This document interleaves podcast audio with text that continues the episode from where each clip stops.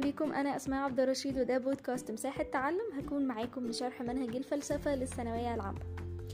زي ما اتفقنا في التسجيل اللي فات إن إحنا هنتكلم المرة دي عن القيم التي تكسبها الفلسفة أو إيه هي الحاجات اللي ممكن أكتسبها كقيم من دراستي للفلسفة أو تفكيري بالطريقة الفلسفية أو الفكر الفلسفي. أول قيمة هنتكلم عنها ممكن نكتسبها من الفلسفة. هي حاجة مهمة جدا جدا ومن أهم القيم اللي ممكن نتكلم عنها وهي البحث عن الحقيقة أو حب المعرفة. ولو اتكلمنا عن القيمة دي يبقى لازم نذكر كام نقطة كده مهمين جدا. وأول نقطة فيهم هي أن كشف الحقائق أو موازنة الأشياء على أساس ماهيتها ومعرفة العلل والأسباب الأولى دي من أهم المميزات اللي بتميز القيمة دي. وكمان هي بتتكون للفرد منذ معرفته بالعالم المحيط. يعني أول ما الإنسان بيبتدي يكبر ويدرك العالم اللي حواليه بتتكون عنده هذه القيمة وبتتجه إلى النمو يعني بتنمو مش بتنحدر أو مش بتختفي بالعكس هي بتنمو في الإنسان أكتر وأكتر كل ما يكبر. وعندنا ثلاث نظريات بتمثل الحقيقة لدى الفلاسفة نظرية التطابق ونظرية الترابط والنظرية البرجماتية. البرجماتية تمام؟ ده اسمها الصحيح علشان نعرف ننطقها صح؟ أول حاجة عندنا في نظرية التطابق أن الحقيقي هو ما يتطابق مع واقع موضوعي. وده اتذكر في الكتاب على المنضدة مثلا. أما نظرية الترابط هي أن العبارة تكون صحيحة إذا انسجمت مع حقائق أخرى مكررة من قبل مع معرفتنا ككل. بمعنى إن مثلا نظرية التطابق الأولى هي بتمثل حاجة بالفعل موجودة. أنا شايف كتاب على الترابيزه فهقول الكتاب على المنضدة. ده بالفعل واقع موجود وهي بتتطابق معاه. أما نظرية الترابط إن أنا بيبقى عندي حاجات مثلا عارفها من قبل كده وباجي على أساسها بقول معلومات تتوافق معاها أو بربطها بالمعلومات اللي أنا بالفعل عارفاها. فهي بتكون حقائق مكررة من قبل معرفتنا بحقائق, تانية أو بحاجات تانية من قبل كده.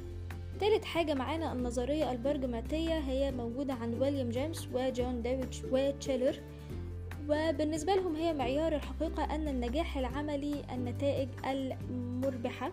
وأن العبارة الصحيحة بتعبر عن واقع وتحقق نتائج متوقعة. وبكده نكون عرفنا الثلاث نظريات اللي بتعبر عن الحقيقة أو القيم البحث عن الحقيقة لدى الفلاسفة.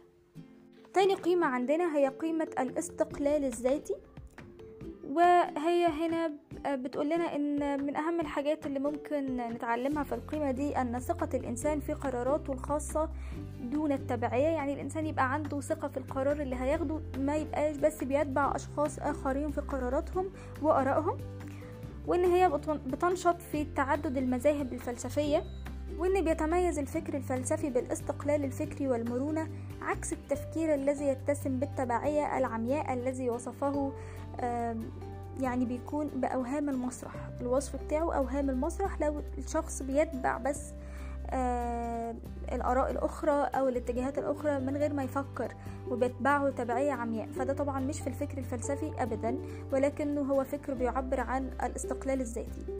وأن الوجه الظاهر لشعور الفرد بالحرية هو هنا بيعبر عنه دي كمان قيمة الاستقلال الذاتي.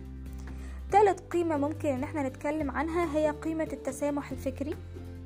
ومقو هو بيعد مقوم أساسي من مقومات التفلسف وإن التسليم المتفهم لوجود أفكار أخرى مخالفة لأفكاري يعني عادي جدا إن أنا يكون ليا رأي وحد تاني رأيه عكس رأيي تماما ومخالف لرأيي ولكن أنا في تسامح فكري بيني وبينه ما عنديش مشكلة معاه وإن الاختلاف لا يفسد للود قضية. وأن يكون عندي انفتاح على أفكار ومعتقدات لناس أخرى وأن الحقيقة أكبر من أن يدركها عقل واحد. يعني مستحيل أنا رأيي الواحد ده يكون هو بيدرك الحقيقة كلها لأنه نابع من عقلي. وعقلي لا يستطيع إدراك الحقيقة كاملة فطبيعي جدا أن أنا وناس تانية يكون آرائنا مختلفة عن بعض. طيب إيه هي أهمية التسامح الفكري؟ يعني إيه اللي هيحصل لما يكون بينا تسامح فكري؟ كلنا بنحترم آراء المختلفة عن بعض.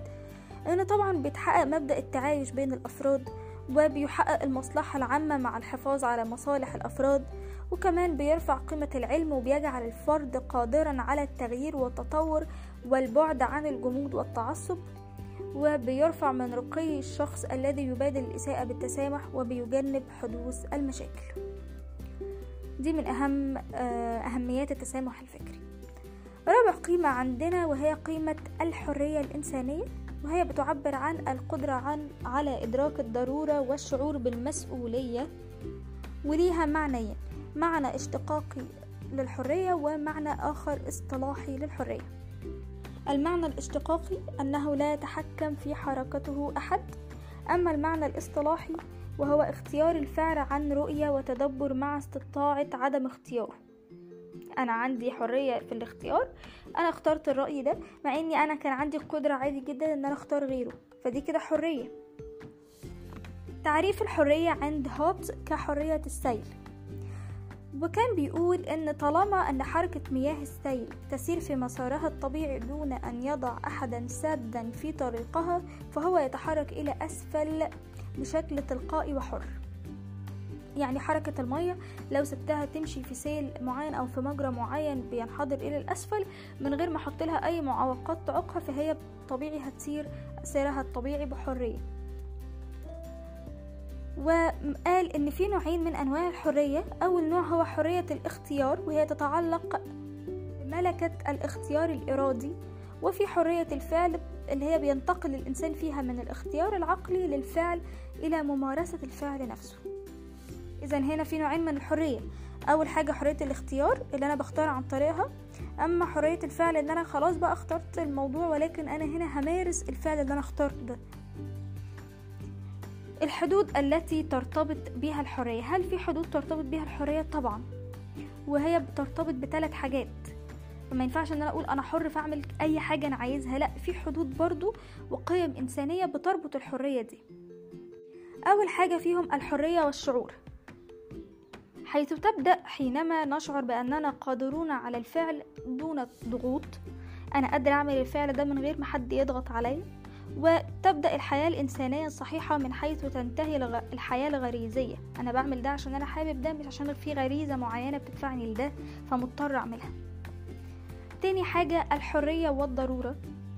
إن للحرية حدود بيسميها الفلاسفة بالضرورة زي إيه؟ إن الضرورة الطبيعية مثلا وإحنا بشر جزء من الطبيعة وحياتنا مرتبطة بمعرفة قوانين الطبيعة علشان أسخرها لخدمتي. فدي طبعا ضرورة طبيعية لازم أحترم الحدود الطبيعية اللي أنا عايش فيها عشان أقدر أسخرها لخدمتي. تالت حاجة الحرية والمسؤولية وهم حدان لا ينفصلان أحدهما عن الآخر فهما متلازمان. علاقتهم متلازمان. أنت حر ما لم تضر. أنت حر بقدر ما تتحمل مسؤولية أفعالك والنتائج المترتبة عليه لا توجد حرية مطلقة بل حرية منظمة. يعني ما ينفعش أعمل حاجة بقول أنا حر والحاجة دي هتأذي شخص آخر. لا لازم يبقى عندي مسؤولية لقراري اللي أنا اخترته اخترته بحرية بس أشيل مسؤولية نتائج قراري وفعلي ده وما يبقاش هيأذي شخص آخر لأن الشخص الآخر ده ملوش ذنب إن يتحمل نتيجة حريتي الخاطئة. كده نكون نهينا الموضوع الرابع أو الباب الرابع من الفلسفة وشكرا جدا لاستماعكم. إحنا كده خلصنا منهج الفلسفة الحمد لله وبقلنا بعض الأجزاء في المنطق. إن شاء الله نكملها مع بعض. شكرا ليكم جدا.